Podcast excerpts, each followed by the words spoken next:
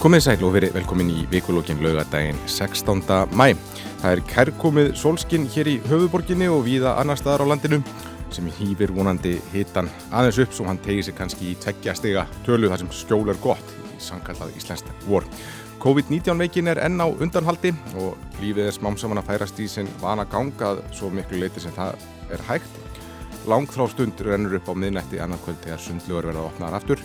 Það er þó heilmikið verkefni framundan, það er að takast á við mesta efnagast bakslag í líklega heila öll. Til að ræða þessi málöld sömul eru komin þau Sigtryggur Magnarsson, aðstofmaður Sigurar Inga Jóhanssonar, uh, samgöng og sveitastöðar á þeirra, Marga Tryggvadóttir, Ritthöfundur og varaþingmaður samfélkingarinnar og Isabel Alejandra Díaz, nýr fósetti stúdendaráðs Háskóla Íslands. Verið velkomin öll sömul.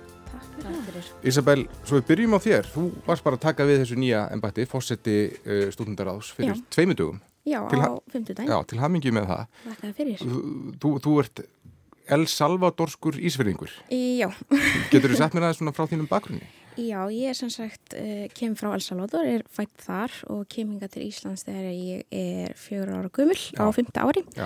og við fjölskyldan flytjum til Ísafjörðar. Þannig ég ólst þar upp og, og já, til mig vera Ísfyrðing og Já. Íslending. Já. Uh, uh, ég verandi frá Patrísrið, þá, þá færðu, nýtur þú sérstakar heima domgæslu hérna í, í, í þessum þætti. Uh, en mér skilst að þú, þetta sé í fyrsta sinn sem uh, fósetti stúdendaráðs í 100 ára sögu uh, þess sé af erlendum uppruna Já, það er rétt. og hefur það mikið gildi fyrir þig? Já, það gerir það. Þetta er rosalega mikill heiður og líka það að, setja á skrifstofinni á aldráðmæli stúdendarás er rosalega stórt og ég hérna, er rosalega þakklátt stúdendum fyrir, fyrir þetta tækifæri Mm. og ég veit að fóreldri mínir eru óhjákvæmilega mjög stoltir líka. Uh, og þú, hefur látið málefni fjöldtingdra barna því mikið var það. Já, ég var í verkefni sem heitir Tungumála töfrar Já. og það er hérna vann þetta með áhuga, eða svona hóp með fólki sem hafði áhuga á fjöldtingi og, og, og tvítingi og, og málefni barna af erlendum uppruna. Mm. Uh, og það var sem sagt hún Anna Hildur, heitir hún, er frá Ísafjörði, er búsett í London sem að svona kemur með þessa hugmynd og við förum af stað með þetta og, og núna er þetta fjóruða árið sem þetta er haldið þannig að þetta er búið að blómstra rosa mikið. Mm. Uh, en nú ertu komin í þess að ábyrðastöðu fyrir hvaða málefnum brennur þú helst gagvart stúdendum? Það er eiginlega bara rosalega mikið, ég get ekkert valið eitthvað eitt, um, það er rosa mikið á döfinni hjá okkur, rosa mörg mál í farvegi og þú einhvern veginn áttar þig á því þegar þú byrjar í hagsmunni barði stúdenta að þó svo að þetta varði þig ekki kannski beint, þá varði þetta vindin og ef ekki vindin þá varði þetta bara hinn almenna stúdent og það er svona nót til þess að þetta sé það mikilvægt að dempa sér í þetta og reyna að gera sitt besta til þess að, í þáu stúdenta. Mm. Þú myndi að koma inn á málefni stúdenda síðar í, í þættinum en nú er smám saman að slakna á samkomu höftum hér innanlands, sundlugur að opna og bráðum líkamsrættastöðar og veitingastæðir og, og barir. Margrét, er þetta langþrá stund hjá þér? Uh, svona bæði og ég hérna, reynir nú bara að fara varlega og hérna uh, versla að ég er með frjálsa vinnutíma fyrir háti og virkundum og svona ennþá og hérna ég, það, ég er náttúrulega með fólk í fjölskyldinni sem er, með, er veikt fyrir Já. og ég vil bara gæta öryggis en sko já ég heiti nú til dæmis vini í gerkvöldi sem var langþráð Já. ég, maður hefur ekkert verið í samskiptum við aðra en bara fjölskyldu og, og svona fólki á skrifstofanni sko Mm. þannig að hérna það, þetta er svona svolítið gott sko Mm. við erum pínuð eins og kálvarnir þegar þeim er sleppt út Já, það er á tilfinningun að fólk sé Já, kannski slaka aðeins svo mikið á eða? um, sko það, maður eiginlega getur ekkert vita það Nei. að því að, að hérna um, við vitum eða ekkert hvað þessi veira er Mhm. kannski bara er hún eiginlega ekki hér en kannski er hún hérna bara eitthvað störa að fylga sig sko. Já. og hérna þannig að já, ég ætla, að passa mig áfram eitthvað. En ég ætla náttúrulega líka að njóta lífsins maður er ekkert eftir að lifa. Og hérna en maður bara verður að reyna að velja skynsum leðina til þess. Já. Sittrikur, verður þú á húninum á lögataslöginni eina mínúti tólf á morgun? Þetta er ekki bara, eina fréttu vikunar var einmitt að, hérna, að eh, nesringurinn sé hér nýju kaffi. Þannig að þetta finnir sér alltaf leiðir. Já. Þannig að þetta er búið að vera mjög undarlegt ástand og, maður fer nýri vinnu og labbar upp á fjörðaðið og hittir kannski 5-6 manns og þannig að þessu, svo, þetta, maður saknar þess að sósjál lífs mjög mikið sko. Já, þannig að, en, en þú Ísabel?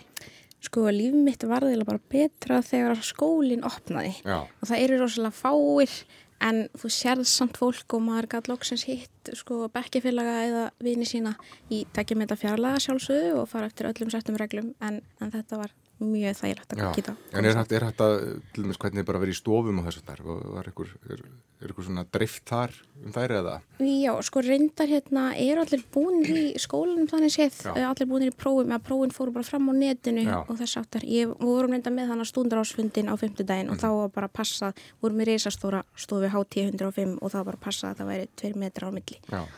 En hefur þetta sett striki reikningi fyrir stúdenda þar að segja námslega? Já, þetta helst svona allt í hendur myndi ég segja. Það, þetta, þessar áhyggjur um, varðandi fjárhag mm -hmm. helst svolítið í hendur við námsframvindu þannig að það er alveg stúdendar jú sem hafa verið að flosna upp úr náminu og svona. Um, það er ekkert allra kannski að vera í svona fjárfundabúnaði, vera að mhm. mæta á tíma í Zoom og svona eða Teams. Þannig að já, óhjákvæmilega er það svo leiðis.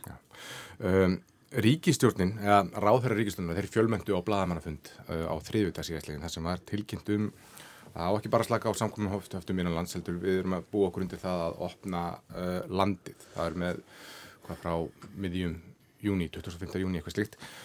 Um, sumir óttast bakslag að, að, þessi, að þetta getur opnað á það að, að uh, ef við förum á gestisækjurnar að þá geti bara komið önnur bylgja. Setur ykkur, hvernig Er, er verið að, að, að gæta ídrustu varðar? Já, þetta er allt eftir eh, gert í samræði við sótvarnarlækni og, og bara sótvarnar yfirvöld.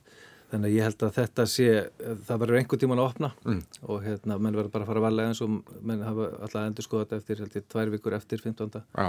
Að hérna, náttúrulega skimunin er mjög mikilvæg þessu. Þannig að þetta er líka bara til þess að veita smá súrefni inn í landið og vonandi einhverja ferðamenn. Mm.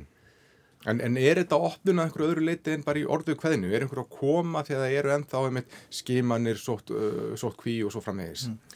Ég sá nú einhverja grein í, held í mókanum um að Æslandir hefði kannad sína markaði, hver mm. veri áhugin þar að koma til Íslands við þessa aðstæður og það var nú ótrúlega háar tölur þar sko, háar prosentur. Mm. En maður veit ekki alveg hvernig er þetta náttúrulega, sumi getur kannski haldið að þeir kemur til Íslands og væri þá bara öryggir, þeir væri komnið í skimun og þeir væri bara í öryggu umhverfi mm. þannig að hérna, það getur verið eitthvað, eitthvað í því sem að tælir fólkingar. Já, verður við að gera greinarmun á löndum í þessu tilfelli Get, og getur við gert það, getur við já, mismunaðin að gæsa lappa fólki eftir í hvort það komið frá Þískalandi eða, eða frá uh, Kína eða Bandaríkjunum eins og ég hef skiljað þá er þetta bara opið, já. það er bara, já ekkert meir að þess að geta verið að gera upp á millilanda Nei, en, en engin ástæðljós er kannski að það sem veiran herjar verð á sumlöndin önnur að, að já, taka eitthvað til til þess eða? Þetta er eitt, af því sem við verðum bara að vinna í núna að mm. útfærslutin á þessu já. ég held að það líka náttúrulega við verðum talað um að Grænland og Færiar getur opnast fyrr já. það er náttúrulega og byggðu þetta er náttúrulega fallega vestnorræna svæði sem ætti náttúrulega að vera miklu meira svona saman Já. í öllu Já. starfi. Margret, hvernig líst þér á þessi áformum að bara opna? Sko ég veit það ekki, svona ég hérna, uh, maður veit eiginlega ekkit hvað, þú veist, hvernig þetta verður og sko, þú veist, til dæmis bara hver á borga þessa skimun. Mm -hmm. uh, eigum við skattgerðandi að gera það fyrir einhverja, hérna, ríka ameríska miljónamæringar sem vilja koma inn og vera í örgu umhverfi sumar eða eitthvað. Þannig að veist, það er alveg opaslega marga spurningar sem er á eftir að svara. Mm -hmm. það er líka bara þetta veist, menna, verður, hérna, verður eitthvað flug hérna nema þetta lámasflug og veist, þannig að fó, þótt fólk myndi vilja koma, getur að komið? Og hérna, þannig að það er ansi margt í þessu. Og svo líka bara ef fólk veikist verður þá hérna, þessi görgeslan hjá okkur verð, ætlum við að fylla hann aftur mm -hmm. veist, það er, er óbærslega margt í þessu sem að hérna, veist, þá er ég að meina þú veist, ef ferðamenninni koma hérna inn og eru með veiruna og þurfa að fara í einangrun og, og verða alvarlega veikir mm. þannig, en sko heimurinn bara núna, hann er eiginlega þannig að maður veit ekkert hvað er eftir tvær vikur Já. og hvað hérna líst mér vel á þetta eða ekki, ég er búin að vera að hugsa það síðan á þriðjúdag og ég er eiginlega ekki komin að niðurstöðum með það. Þú veist, en einhver tíman en, veist, það er alveg rétt, einhver tíman verðum við að opna með einhverjum hætti. Og ég held að það sé bara gott að gera það hægt og rólega og líka á okkar forsendum. En þú veist við þurfum líka þá passa þetta sé á okkar forsendum. Mm. og líka við ráðum við þetta. Mm. Ísabel, þú Hvernig, hvernig leggst þetta í þig? Ég verði að taka svolítið undir. Mér finnst margt litast bara af óvissu. Já. En eins og Sigurður segir það eru útfærsla atriði í vinslu þannig að það væri bara fínt að fá að sjá þau og svo kannski ná að mynda sér skoðun en ég mitt veit ekki hvað gerist á morgunni eftir viku, tvær, mm. mánuð. En fyllistu einhverjir út þrá langar eða komast til útlanda sjálf eitthvað á næstunni? Mm, ekkert sérstaklega að ég verði jú að játa, ég er náttúrulega útskrifast mm -hmm. og ég ætlaði mér með vinkonu minni út en, en ég er góð hér og það er náttúrulega margt framöndan sem ég þarf að gera í, hérna, í stúdendáði þannig að ég er bara mjög fín hér. Já, en, en hvað um ykkur eru? Mér langar svolítið til færi, já. það er eiginlega svona lengsta sem ég langar. Færi er stórkustlegt land, það er hérna, við getum alltaf til að fara þanga. Mm. Ég, fyrir mig, ég hef náttúrulega verið þetta hefur bara svolítið farið af ratarnum sko. maður hefur bara einhvern veginn að þetta er ekki allavega næsta ári er maður bara líklega í vinnunni. En ég veist þetta um eitt svo merkilegt að því að í hruninu þá fekk maður líka þessa tilfinningu, við værum bara hérna á eigi og kemist aldrei eftir til útlanda og þú veist alltaf svo dýrt og allt þetta. En núna er bara eh, tilfinningin fyrir því allt önnur. Mm. það er maður bara, þetta er svona við getum ekkert gert í þessu, þetta er bara ekki í okkar höndum. Og hérna bara gerum það best úr þessu. Mm. En það eru auðvitað margir sem reyða sig á ferðamenn og Já. þá hefur verið að hvetja Íslindika til þess að ferðast mikið sem er allir það að gera það. Já, heldur betur. Það er bara alveg, með, með leiðar á allir. Við erum sko sískininn og fjölskyldur reyna hérna, uh, ákveða eitthvað mm. en það hérna og allar með að taka mömmu okkar með en hérna, okkur tekst ekki einhvern veginn að púsla þessu saman. Við, hérna, það hlýtur að koma að því að, hérna, að það verði eitthvað. En svo alltaf ég bara, já, reyna að gera njóta lífsins í sumar og, og hérna, elda sólina og hjóla svolítið og svona. Mm. Sýttir þú verið þú og gista hótil Það er ekki stíð fyrir það. Ég, ég vil maður fara eitthvað vestur og, og svo fer maður norður í sveitina sko. hérna hitta ættingina. Já, Ísabel, þú verður vantilega vestur og fyrir þið eða hvað? Já, já. já ég fyrir klárlega vestur, ég þarf að komast í þetta andrumsloft og, og fara í þessar fjallgönguður og svona eins og maður gerir fyrir vestan. Já, þitt fólk vantilega allt þar? Já. Já, einmitt. Um, en auðvitað til þess að landið opnist raunverulega þá þá þarf náttúrulega að vera flugingað og það kemur kannski inn á stöðu að Íslandir sem nú er núna að já, róa lífróður. Það er, þeir hafa einhverjar vikur til að sapna 20 miljardar og þau, það er líka háð því að það takist að semja við, við starfsfólk, það er búið að semja við flugmenn, þá ekki eftir mhm. gær en það er erfiðari róður uh, það er svona þingra hljóði í flugfröðum, þar hafa, vildu ekki samþykja uh, tilbúð félagsins í sístu viku þar sem þeim fannst þurfa að gefa eftir einhverja 20% launa og, og uppsöndur réttindi líka til, til frambúðar. Þarna er já, mikil kemma. Já og sko hef, maður hefur svo náttúrulega sko skilning á því sem að Æsland er, er að reyna að gera. Mm. Þeir eru náttúrulega að vinna fyrir sína eigundur. Uh, okkar hagsmunir sem þjóð, sko þeir fara ekkert endilega saman með við hagsmunni sko þeirra sem eiga Æsland er núna. Mm. Og ég hef ekki áhyggjur af því að það verði ekkert flugfélag hérna Það, þú veist, þetta er bara ómikið hagsmál fyrir okkur sem þjóð en stjórnveld náttúrulega get ekki skipt sér að þessu akkurat núna mm -hmm. en þú veist, einhvern veginn leysist þetta fullt af fólki tapar rosalega miklum peningum Já. og ég vona bara að ríkisjör tapir minni peningum en hérna að það er sér einhver, einhver breið bög sem að bara, þú veist en við eigum líka ekki alltaf að vera hérna sko engavæða hagnaðin eða gróðan og ríkisfæða tapið mm og það er sko allar kreppur það er enginnast af eigna tilfærslu og það sko er náttúrulega hlutverk stjórnvaldar en að stýra því hvar svo eigna tilfærsla kemur niður. Mm.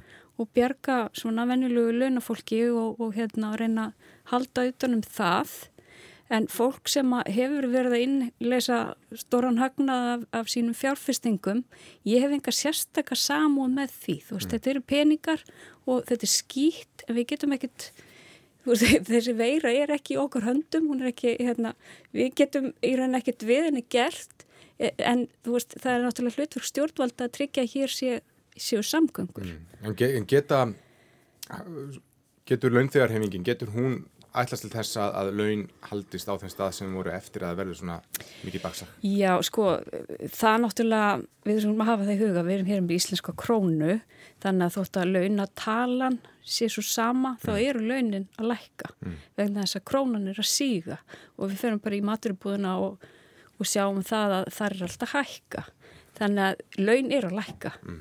En hérna, þannig að ég myndi segja það, já, verkefnisrengin, hún þarf að halda fast í samninga. Mm vegna þess að við erum öll að síga. Hmm. Uh, Bóji Níls Bóðarsson, fórstjóri Æslandir, hann var gaggrindur fyrir að, að já, tala um það að, að helsta fyrirstæðan fyrir því að það takist að berga þessu félagi síu við sjálf, það er sér að starfsfólki og svona þótti hann var að varpa þarna ábyrðin á starfsfólk. Hva, hvað segir þið um það? Þetta var svona nokkuð svona harkalitt bref, er smér sko, en hérna, þetta er náttúrulega bara hluti af þessu stærra, hvað sem mann kallaði þetta samkemnishefni mhm. félagsins. Mm -hmm og eins og margætt kemur inn og þá erum við náttúrulega með krónun erum við með þessa sveiplujöfnun þar sem að við erum getum sagt, okkar haggerfi bara, þetta er ekki eins og þegar Gríkland lendi í síni greppu mm -hmm. að það þurfti bara að segja fólki upp og skera alveg harkalega niður, hérna er sveiplusti svolítið með, tökum svolítið höggi þar eh, hérna ég sko, Æsland er náttúrulega gríðarlega mikilvægt fyrirtæki. Það er uh, bara þekkt vörumerki um allan heim, þetta er uh, náttúrulega allir þessi teng sem koma þar í gegn, ég var eitthvað að hugsa bara búningarnir kostar örgulega hátt í miljard, bara svona hlutir sko. en þannig að þetta er og líka, náttúrulega, við þurfum að eiga Íslands flugfélag. Það er mín skoðan allavega En er það ekki líka það sem fólk hugsar ef þetta tekst ekki hjá þeim núna þá hleypur ríkið undir bakka og það verður bara Æslandir heldur áfram einhver annar mynd. Ég held að það sé þannig sko mm. en það er náttúrulega ekki alveg hægt að segja það núna að það er aðri hlutir í gangi að vera að reyna að björga hlutunum öðruvísi hvað sér aðstofum að samgöngur á þeirra? Það sér lífið lítið sko. Nei, það er eins og segja bara Æsland er mikilvægt fyrirtæki og það er bara eins og margir kemur inn á að bara við höldum samgöngum til landsins mm. og það þurfa líka að vera íslenskum hósendum og það er bara líka fyrir ekki að svona hluti af því að, að nýta það sem hefur verið bjútið við hérna, Ísland og ferðarmennskunni hérna yfir hafið er akkurat þessi höfn sem er í keflaug og Æsland hefur nýtt hann í bótt og ágerir það á sín tíma. Og það náttúrulega hjálpar okkur Íslandingu líka að ferðast til útlanda því að að þeir ferðarlegin yfir hafið mm. niðugreið okkar fargjöld og mm. gefa okkur alla þessa áfangastæði þannig að við hefum verið náttúrulega mjög heppin síðustu árin, ára tíin í því hvað við getum ferðast við það og, og hérna, með beinu flýi hingað og þangað. Mm. Ísabel, hefur þú fylgst með þessum, þessum málum? Já, uh, ég hef gert það og ég kannski hugsa þetta eins út frá stjórnmálafræðinni og svona jafnbretti sjóna með því og það er náttúrulega bara við lærum það í stjórnmálafræði að þegar einstaklingur gerir slutæfi í einhverju félagi þá er hann að taka áhættu. Þannig að það má setja spurningmerki við það að, að starfsfólki þurfi að fara í einhverja launalækkun að, að það finnir sig knúi til þess að, að koma til móts þannig við fyrirtækið eða, eða félagið. Og, og flugfröður hafa náttúrulega réttilega bent á það að það er ekki tækt heldur að bera saman þær flugfröðuna og flugþjónuna og flugmennina mm -hmm. af því að launin er flugstjórna, það er já, bara algjörlega tvent og já, og hérna já, þannig að ég kannski hugsa þetta einmitt út frá svona mm. aðeins jafnbreytið svona með þá En finnst þið skipta miklu máli hvort að, að Æsland er verði bjargað svona fyrstakasti áðans að ríki komið þar að máli?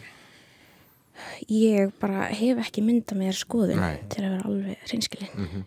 um, En svo er líka annað sem á að gera, það á að ráðast í markasáttak til þess að laða ferðamenn mm -hmm. til, til Íslands og það var kynnt í vikunni og verkið var bóðið út á Evráska efnarsvæðinu og það hefði vakið aðtekli að það var bresk stofa, stofa fyrir valinu.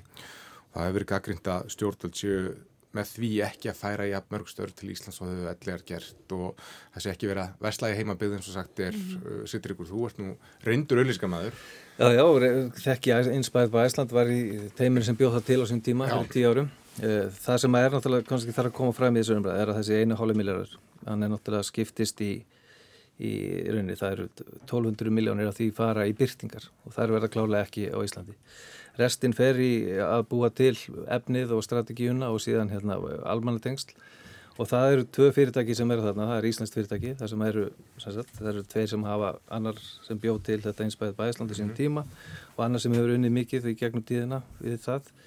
Þannig að það er alltaf, því er alltaf sleft í umræðinni það er Íslands fyrirtækið þannig líka. Mm -hmm. og það er náttúrulega all framleiðsla á efni, myndbönd og slíkt verið gert hér en þetta, er, þetta var viðkvæm umræða fyrir tíu árum, þá var það Íslenska Ölsingastofun og Brooklyn Brothers Já. sem var þar saman þannig að þá var það viðkvæmt og þetta er bara viðkvæmt líka núna mm. því að það er náttúrulega eru allir að berjast í bökkum Já, þetta er útbóð og þarna er þessi breska stofa sem er sannlega efst með einhver 87 stig, svo er Íslands stofa þetta með 86, það er svona sjónarmunur hérna á, á, á, á milli. En það hefur hvert að verið, þetta sé ekki jafnbræðisgrundöti að því að breska stofan til dæmis þeir eru ekki að borga virðisöka skatt og það fleitiðum Það held ég, ég held nú að Ríkiskaup og held ég fjármálar að það hefur sagt að það hefur værið rán Já. Það var ekki mismunna þar. Mm -hmm. um, og umræðin náttúrulega snýst um að hérna, við erum klálega ekki að fara að vera með íslenska almannatengsla stofu til dæmis í því að vinna á breskumörkum, þýskumörkum og þetta er það sem gefur, það sem ég séð bara í raukstunni gera þarna er, er þessi, þessi íslenska stofa og, og MC og Salsi sem er svona algjörlega alþjóðlega stofa er með flesta markaðan okkar. Mm. hefur verið að vinna fyrir ástrálska hérna, ferðamalastofu og þetta. Þannig að hérna, ég held að það, sumum finnst þetta súrt en það verður náttúrulega mikið eftir af þessu, þessari köku sem er þessi 300 miljónir sem er þessi sem fer í framlegsluna en ekki byrtinga þar verður náttúrulega einhverju leiti hér og örglega tölverðu mm. Margret, hvernig finnst þér þetta? Ég sko að leikreglunar eru svona. Mm. uh, mér fannst það kannski að sló mig aðeins en að sjá að þetta breska fyrirtæki væri svona í einhverjum, einhverjum mannu ekki alveg hvernig, hvers konar spillingar rannsókn Já, það er alltaf fjármála eftir í Björnlandi er að rannsaka það. Og það er náttúrulega vond og, og Íslenska ríkið á ekki að vera í uh, hérna bara, já, semja við fyrirtæki sem eru í þeirri stöðu. Ég veit ekki hvort það er leið fyrir og á, á hvaða grunni þetta er nákvæmlega.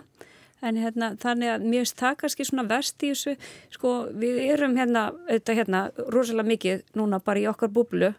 Ég er ekkert endilega á því að við hefum bara alltaf að, þú veist, gera allt hérna innanlands. Við búum hérna í alþjóðlegum heimi og hérna ef það er hægt að gera hlutina betur ykkur starf annar staðar þá hefur að nýta okkur það. En ég skil samt alveg sjóna með íslenskur auðlýsingamanna mm. því að þetta er stór biti sem að fer þá úr landi mm. og hérna og auðvitað hefði alltaf ykkur hluta þessari uppæð farið úr landi og eitthvað af þessu kemur líka mm. en hérna En ég skil alveg að, að þeir sem voru þannig næstir í útbúðinu séu svektir. Halla Helgadóttir til dæmis fórstuðum að Hörnunarmiðstöður Íslands, hún, hún er mjög gaggrinnur þetta, skrifaði grein í, í, á vísi í gær, það sem er svona Gaggrindi líka bara skort á samráði við hérna skapandi greinar á Íslandi það, það, hefði mm -hmm. ekki verið hafða með í ráðum og, svona, og það er byggjuð við mjög mikilvægir reynslu til dæmis bara úr hunnu það sem hennunum var, bara var til sko. þá já, já, og, og hérna það er alveg rétt og mér hefur fundist sko margt alveg ágætt hérna gert í, í bara aðgerðum stjórnlanda frá því þetta kemur en mér hefur fundist skorta samráð Já. og stundum einhvern veginn verið aðeins að flýta sér of mikið. Auðvitað hefur þurft að vinna mjög hratt en stundum hef, veist, hefur bara betra að býði einn dag og tala við til dæmis stjórnaranstöðun á þingi og fá svona önnu sjóna með og vera hlutin aðeins áður en að er farið á stað og maður svo ekki að jafnvel sko bara tala við, þú veist, sína eigin flokksmenn þingflokkin sinn því að, það verist ekki heldur alltaf hafa verið gert heyrimaður, ég veit svo þú er ekki að fara með það en hérna þannig að eh, eins og, eins og núna verið að fara að laga hlutabótaleðina í annað sinn uh, með hérna svona einhverjum ráðum uh, kannski hefði bara verið þú veist, auðvitað þurft að gera þetta hratt mm -hmm. en kannski hefði samt verið betra aðeins að hlusta og, og hérna hugsa þetta aðeins til enda mm.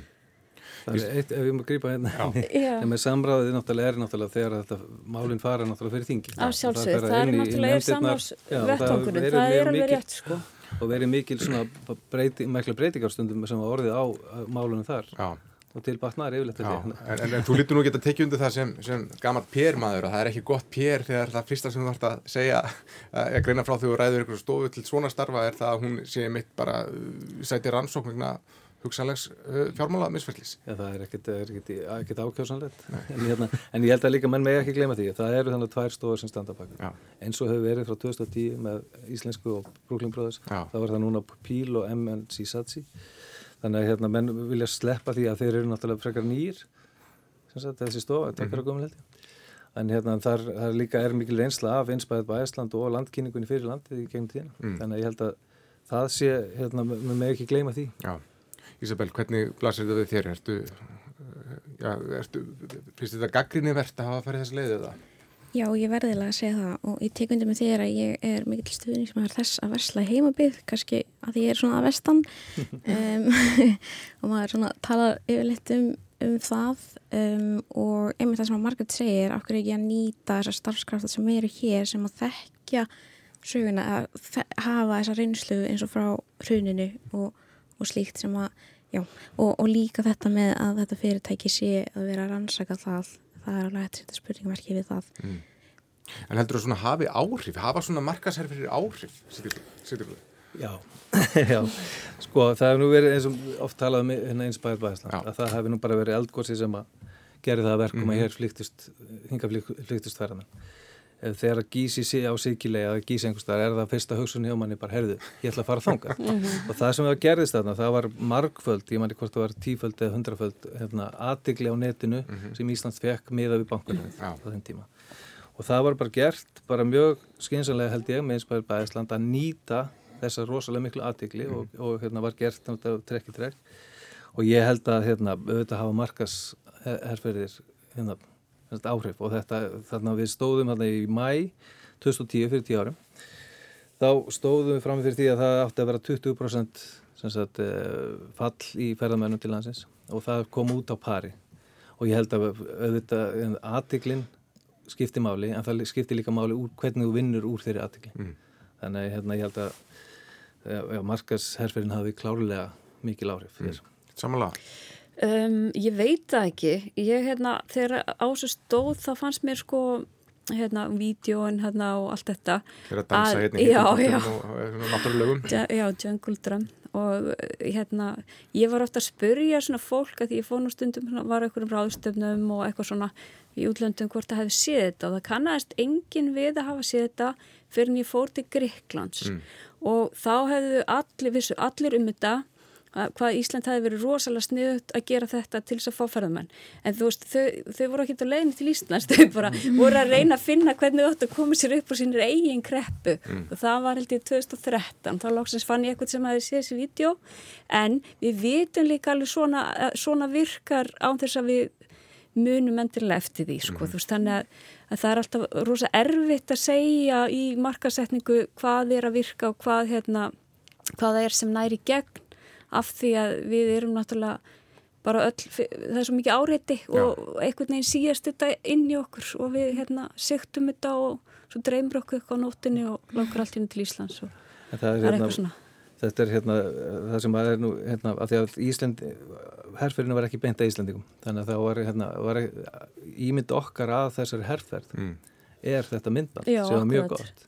Það var bara svona kick-offið. Það var síðan kemur miklu floknari og þetta er náttúrulega kert áfram aðalega á, á netinu mm -hmm. og svona með svona personlega skilabóðan þannig að hérna, það er miklu við töluðum hérna hvað ekki náttúrulega slett aðeins people power Já. að virka það sem við stofum fram fyrir var það að yfir 90% af þeim sem komið til Íslands þeir voru tilbúinir að mæla með landinu að koma aftur mm. og það er alveg einstök staða svona fyrir ferðamannstað þannig að við ákomum að nýta það þessar vini í Íslands og, og hérna Þannig að það, það, það var svona miklu floknara spil árina eftir heldur en þetta myndband sko. mm. en hérna en auðvitað er það mjög skemmtilegt myndband hérna, já, já. En, en, en það hefur líka verið rættu sko, hvers konar ferðamenn vilju vilju við halda áfram í svona massatúrisma eða vilju við fá færri en efnaðri ferðamenn sem skilja þá meira eftir en, en ganga ekki jafn mikið á landi og svo framvegs, hefur við velt þessu fyrir þér Ísabel? Já, þetta er alltaf til umræðu með náttúrulega skemmtifærarskipin og nú hef ég verið í ferðamannabransanum hefur verið að vinna við leiðsögn á sumrin síðustu 5-6 ár og þetta er alltaf til umræðu um, og og, og tengist þessum þetta versla í heimabeigð um, að uh, koma svo mörg skip hvort það að veri sko yfir um, hundrað þarna í fyrra á Ísafjörð og þau skilja rosa lítið eftir sig sko. Um, en að þið verum að tala um markasætningu líka Já. að hérna, þetta er fólk sem hefur séð svona, svona myndbönd sko þessi myndbönd og, og tala um það uh, mikið. Um, þannig að já, ég, ég það, er kannski, já, það er kannski líka síðan annað að það er bara framtíð ferðarþjónustu í heiminum. Ég var með Kilma Já. Ólafsson, uh, fórstuðumann helbyrjastofnum uh, vestfjara í þessu þætti fyrir nokkrum vikum og hann talaði mitt um skemmtifæraskipin og hann sagði bara ímyndað er að fólk sem er uh, 60 ára pluss sem er um, miklu leitu upp í staðan í, á skemmtifæraskipum getur hugsað sér að vera innilokað í einhverjum uh, skipum vikum saman eftir að þetta gerir sko. að þetta getur bara- glukkalöð sem káetum eitthvað staðar lengst og Já. nýjögrun dalli En stöndu ekki fram með fyrir því að við erum hugsalega að horfa bara á breytta heimsmynd? algjörlega ég er bara ég, ég held einmitt að sko, skemmtifæraskipin eru mjög skýrt dæmi því að þau hafa náttúrulega verið einmitt höfða til þessa fólks og hérna en, en þú veist þetta bara getur breyst greinilega og hérna í einhverja svona hálgerða martröð og ekki skemmtilega upplifun þetta er náttúrulega li- lítið klefar og, og sumt gluggalöst og, og hérna. Þannig ég held að fólk eigi alveg eftir að hugsa sér svolítið um menna þess að hérna veist og svo eru náttúrulega endalus einhver hlaðborð og eitthvað sem að við erum núna farin að horfa á svona bara hmm, hvað er verið að hérna, bjóða hér upp á? Veist, að við lokuðum nam namibyrunum hérna, Það er náttúrulega, það er, ferðarmálar var, það er stefnumótum til ásins 2030 held ég, það sem er verið að leggja áherslu á sjálfbæra ferðarþjónustu. Áherslan í markasetningu landsins hefur verið á svona reynda ferðamenn aðeins efnari og það hefur held ég verið reyndin svona að jafnaði, Já. það er fáum aðeins ríkari ferðamenn. Það sem gerist þegar að vá fjall var að rauninni þá, hann hækkaði gildi hvers ferðamanns, það var, hérna, sem sagt, gaf meira af sér í hérna inni Já. meðan það voru kannski að koma ódýrari ferðamenn frá hérna, með vá Mm. og lággjaldafélagum þannig að þetta er það þarf náttúrulega að passa landið og það er að bara hérna það er náttúrulega mjög, mjög mikilvægt. Mm. en það er líka þessi ferðarþjónustöðin og líka þessi lífæð bara landsbyðarana líka. Já. maður sér bara Suðurlandi sérstaklega. Og sér líka núna að af sveitafélög eins og hérna, Vík og Skútustarreppur þarna er bílinu 30-50% atvinnleysi þannig að þetta er svo gríðalegt högg, högg þar og Suðurnesin líka náttúrulega. Um, það er komið fram yfir miðjan mæ og það er einmitt á þessu tíma sem skólum er að ljúka og námsmenn væru alla jafna að bara streyma í sumarstöfnum sín, kannski út á landi í ferðarþjónustu en það er eitthvað minnað um það núna og þið í stúdendarhefingunni hafi verið gaggrinin á það að stúdendum sem ekki gefin kostur á að fara á atvinnsbætur. Já, e, þetta er krafa sem við settum fram í apríl og var rosa skýr og ídarlegna 12. apríl Mm. e, og það hefur ekki verið mætt þessari kröfu um það að stúdendar eigi rétt á atvinninsbótum og ástæðan fyrir því að við erum að fara fram á þetta er einfallega svo að þau úrræði sem að standa til bóða núna ná ekki yfir alla. Þau munu ekki grípa alla þannig að við þurfum eitthvað öryggisnet. Og eins og það segir núna er 16. mæ sumarið er bara handan við hornið. Þetta er ekki vandamál sem verður eftir mánuð eftir tómánuð, þetta er bara að gerast núna. E, prófin kláruðust fyrir viku viku það svo. E, nefndur eru bara skilin loka verkefnum og loka reitgerðum og svona þannig að alla jafna eða yfirleitt þá er fólk einmitt byrjað að vinna núna.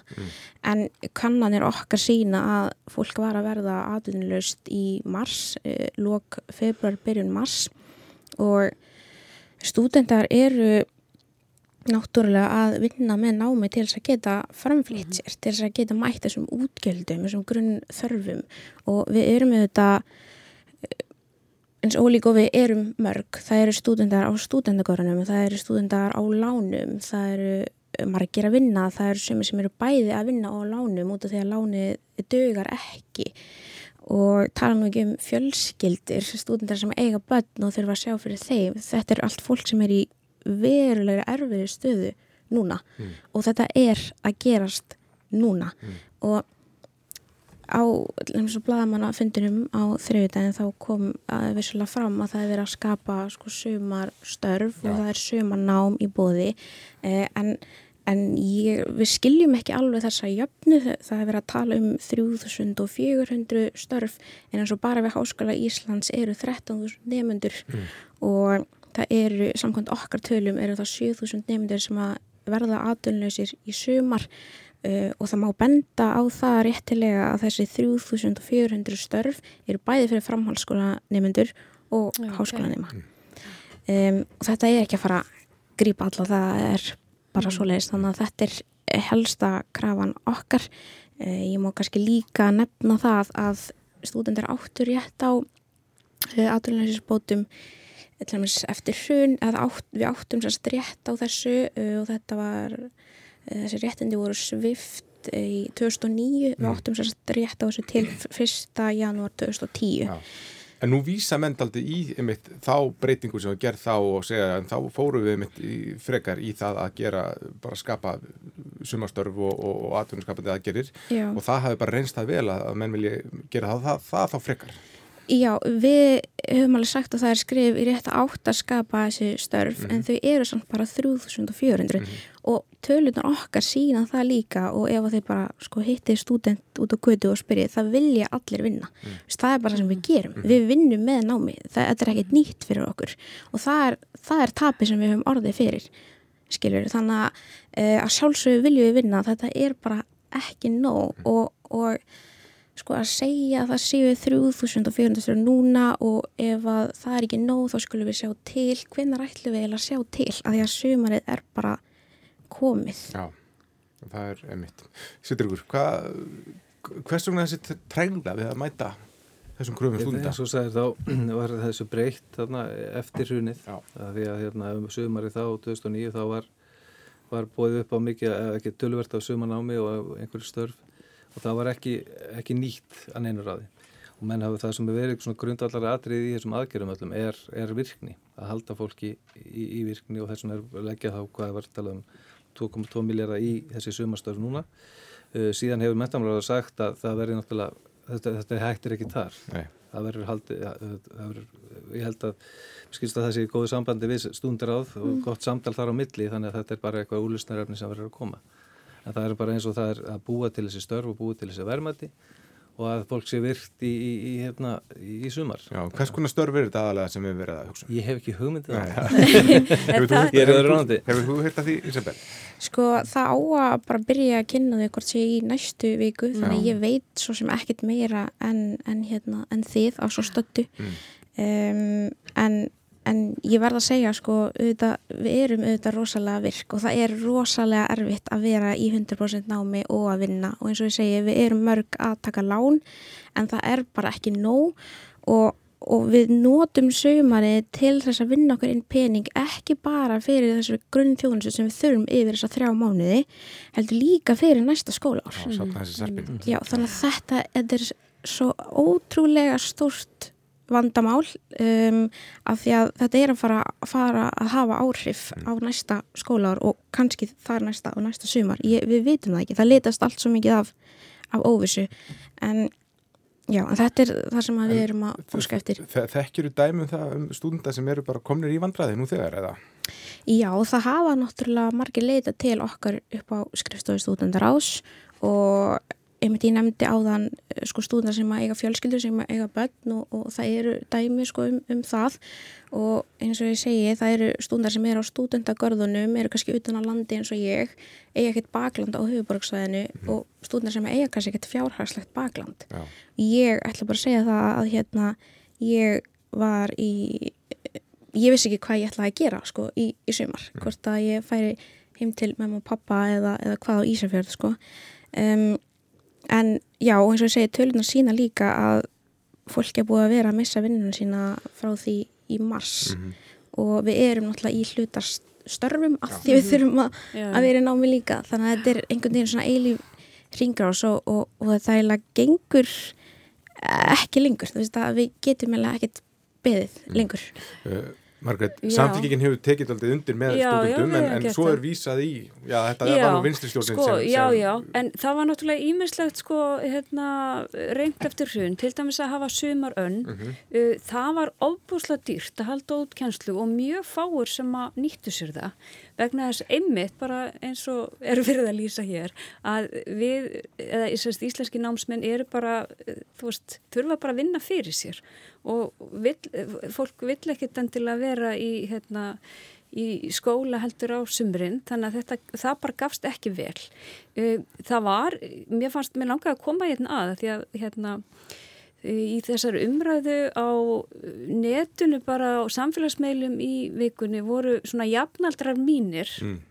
að rifja upp ástandi sem var hérna 92-4 þar sem var mikið atvinnuleysi meðan námsmanna og Ríki fóri að búa til störf inn á fræðastöfnunum. Það var nýsköpunum sem um námsmanna, uh, þannig að námsmenn gáttu valið sér svolítið og fengi styrki í það og hérna uh, Andris Nær Magnarsson var að rifja það upp að hann fór þarna inn á átnástofnun og var þar, þar sumar og það hefur bara haft afgerandi áhrif á hans, allan hans ferir. Og rapsinuna líka. Já, já, og hérna og það er eiginlega bara sko, mér langar bara að koma svo hérna að því að ég held þetta hafi verið bara alveg ótrúlega góð bara framkvæmt þá.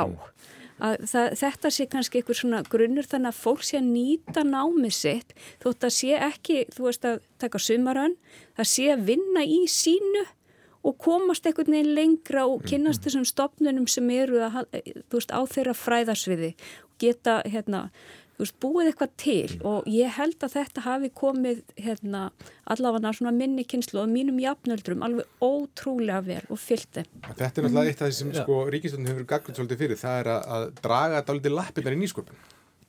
Já, það er hérna nýsköpunar sjóðu násmann hefur annarkort verið tvefaldar eða þrefaldar núna mm -hmm. Og hérna það er mjög ákvæmt og eins og verkefni 92 mjög skemmtilegt.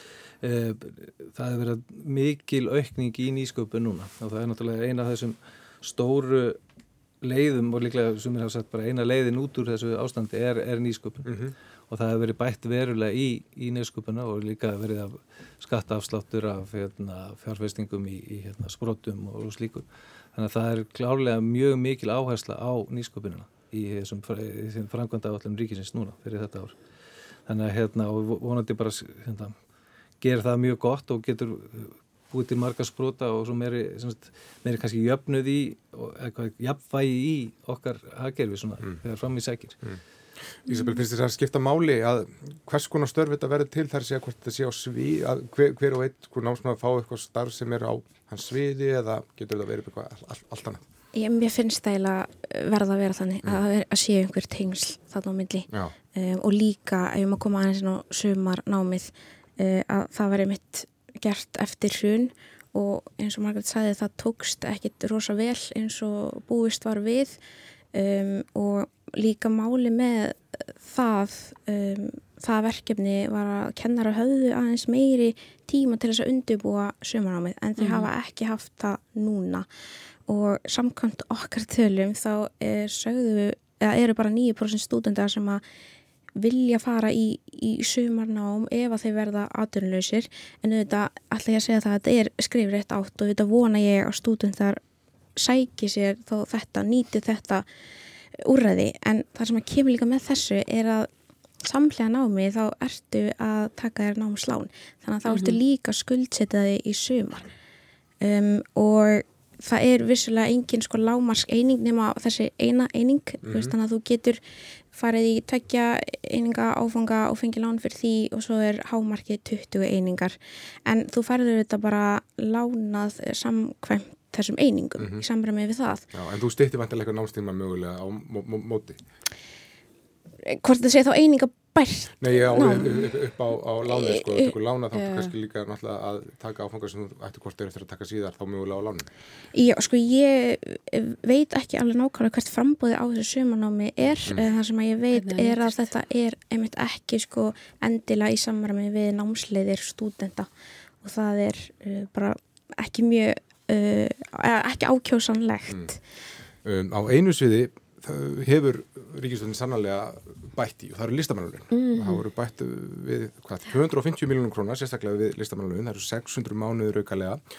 En það kom kurri fólki í vikunni þegar það fréttist að meiri hluti laununa renni til ríðtöfunda og myndlistamanna. En þeir sem kannski örðu hvað, verst fyrir barðinu á ástandinu sviðslistamenn, tónlistamenn og, og því líkt að þeir, þeir fái minna fyrir sem snúi Uh, Margreit, þú er reytund og sterk tengslinn í myndlistina já, já, já, já, bæði og hérna er í stjórn reytundarsambansins En er þetta ekki, ekki gild gaggrinni? Sko, nei sko, ég held að fólk kannski átti sig ekki á tekjumótili reytunda uh, fólk sér, já, hann er ykkur frægur reytundur, hann er bara að selja bækurna sínar uh, og hann fær fyllt af peningum fyrir mm -hmm. það. Það er ennabla ekki þannig nema þú heitir, þú veist, Arnaldur eða Irsa Uh, flest þótt við sem að með fína sölu þá erum við bara ekki að fá eiginlega neitt út úr þessu mm. uh, við erum á örmarkaði sem að er, náttúrulega eitthvað bara áttunda undur veraldar að hérna, þrývist bókamarkaður og hérna ég held að fólk áttis ekki á því hvað alls konar uppókonmur, upplestrar uh, sagnamenska fyrirlestrar spjallfundur á bókasöfnum og allt þetta sem að hérna rítvendar eru að gera á vetunar skólaheimsóknu til dæmis uh, eru stór hluti af tekjum hérna rittvöndar. En getur við setta í samingi til dæmis við tónlistamann sem Já, er á jarðaðurum brúköpum ársatíðum Já, það er náttúrulega, þú veist, það verður náttúrulega jarðað að það gifti setna eh, sko, eh, barnabókahöfundar mistu núna alveg skólana til dæmis bara núna í vor. Ég ætlaði til dæmis að vera bjóða upp á hérna skólaheimsóknir og gera, var með flott prógram um kerval, því við varum með bókum kerval og nefndi ekki að taka það fyrir jól og vera einhvern veginn að bítast um, heldur að bara gera þetta í róliheitum og mikill áhugi, veist, þetta varð ekki mm. og hérna svo er þú veist að næsta ári eru bara einhverjar aðra bækur, mm. þannig að veist þetta eru tekjur sem koma aldrei bara. En, en margir Já, en, en þú veist, ég skil alveg samt en ég held samt að hérna kannski megin, sko fólk átti sig ekki á því hvað hérna, fyrirlestrar, upplestrar mm. og allt þetta eru mikilvæg bara, mikilvæg tekjur fyrir ritthunda. Mm. Það, það er ekki hægt að lifa af þessu semst án þess. Mm. Sýtur ykkur þetta hefur þessi stjætt tónlistamenn, svislistamenn og þýjulegt þessum kom, hafa uh, lifibröðsitt fyrst og fremst að því að koma fram já, já. þeir hafa verið mjög gaggrinir á þetta heldur að það hefði verið ástæðilis að taka meira tillit til þeirra í þessari útlutun. Ef, ef, ef við skiljum þetta rétt á er bara miða við þá skiptingu sem er fyrir. Sem er fyrir já, ég held sko. að það hefði kannski Eh, já, það hefur verið mjög umdelt að fara að breyta þeirri skiptingu mm. eitthvað, er, hérna, síðslistan er 12% held ég, 37% hérna, rítuöndanir, millistinn hann eitthvað starra milli.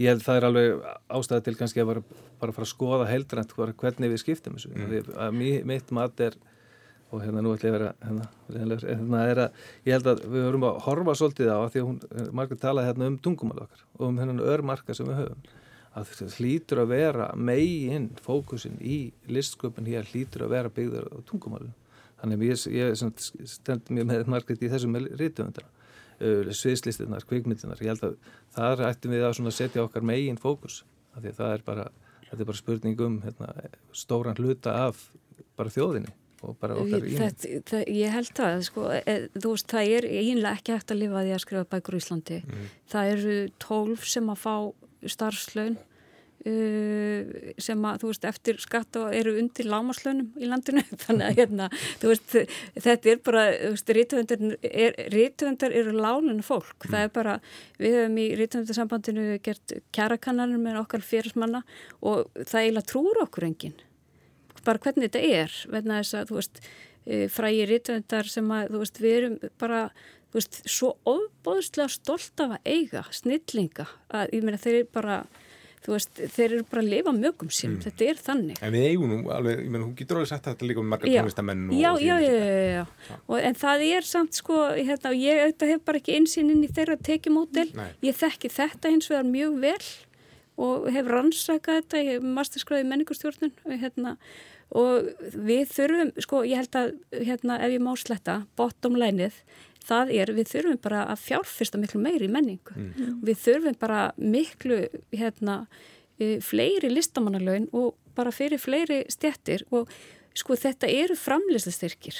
Ég meina hvað, þú veist, e, hérna í, or, að því við vorum að tala um ferðamennina, hérna, hvað haldiði að margir ferðamenn hafi komið til Íslands vegna íslenskrar menningar. Hvað haldið að Björk og Sigur Rós hafa gert fyrir okkur og hérna Arnættur og Ísla Issa og og nonni og haldur lagsnes og ég meina þess vegna kemur fólk hérna, það er ekki bara, þú veist, geysir og gullfoss. Mm. Isabel, það er þessi menning. Hvernig, hvernig líst þér á þetta? Ertu, skilur þú tónlistar og svislista fólk sem er svegt?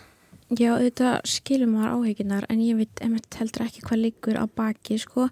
Uh, en, en það sem ég reyna að átta mig svolítið á er hvort að umræðin snúist um það að uh, allir hefði þetta að fá svona jæmt þá eða þú veist, eða hvort að þau þetta að fá meira heldur en reythundar eða hvað og, já, já. og þetta er náttúrulega sett sko ákveðin skilir eða svona sett uh, þessi útfarsla uh, og ég veit ekki hvort að það nú veit ég hvort að það þurft að fara einhver svona heldar endur skoðun en kannski taka með bara af aðstæðunum sem við erum í núna út af þessum faraldri og mhm. svona Já. Er ekki réttið mér að þessi skipting er síðan 2009? Já, það var farið, það var tekið upp, já, hérna 2009-2010 held ég, já. þá var farið, sem sagt, heldalönum, listamannalön voru sem sagt endur skoðu og ímislegt gert betra betra en það var. en, en, en hönnunastyrkirnir er náttúrulega til dæmis bara allt, allt, allt, allt og lágir. En félagið þinn úr samfélkingunni, Ágúst Ólaður Ágússon hann já. laði nú á dögunum til að, að listamannalaun almennt er þið bara stóruökin og svo núna í þessari viku að styrkir til kvikmyndaframlegslu eru hvað fimmfaldæðir og það er nú geiri sem eh, já, er að, bara það, hann er að laða að verkefniða utan og mm. væri ástæðlis að skoða það Ef það er eitthvað sem Ágúst Ólafur kann þá var það markvöldum það er auðvitað þarfa er, og ég er náttúrulega kemur þessari, þessari átt með en, en ég held bara allar tífaldanir og fimmfaldanir þar er ekki svona einfald mm. ég, þegar ég var í auðlýsingabransunum þá var stundum erfitt bara að fá krú til að vinna fyrir sig Já. í, í auðlýsingatökum það þarf að vera, veist, við bætum ekki bara inn í þetta núna og bara fáum eitthvað stórkvæmslegt út í það þarf að gera þá bara í einhverjum, það þarf að vera einhver stefnumótun á bakvið það mm. og núna er þetta verið í er komin í kvikmyndastefna, ég held hvort það sé fyrsta helstaða stefnan. Þannig að hérna, ég held að þetta sé bara þá bara eitthvað inn í þá umræðu hvernig við ætlum að þróa þennan að gera því að auðvitað er hann gríðarlega mikilvægur. Mm.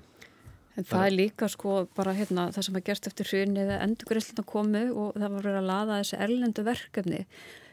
Þetta hefur bara aukið þekkingu bara hérna í þessum yðna hérna alveg gríðarlega og þetta er alveg, þetta er bara svaðalega dýrmætt og hérna, og þú veist að við erum að hérna gefa eftir auðvitað skattekjur en skattekjur sem við hefðum aldrei fengið mm -hmm. ef ekki hefði komið til þessa, þessar endugreysna þannig að hérna í raun og veru, þú veist bara er þetta, er alveg bara gríðalegur ávinningur, ekki bara efnagslegur, líka bara í þekkingu og nýsköpun og, og hérna fólk sem hefur verið að vinna hérna bara með heimsklassa uh, fólki frá útlandum og, bara, og tek, heldur þessari þekkingu. Hún helst hérna í landinu í, sem er svo ólíkt í, bara í mörgum öðru sem við sjáum hérna, uppbyggingu í nýsköpuna fyrirtækjum og svo eru þau seldurlandi mm. og einhvern veginn og, og fyrirtækin svo alltaf komið til Ameríku eða og jafnvel þeir sem að, hérna, voru í þeim bransamennum. Ég held nefnilega um þetta endurgreifsluna sem er nú eitthvað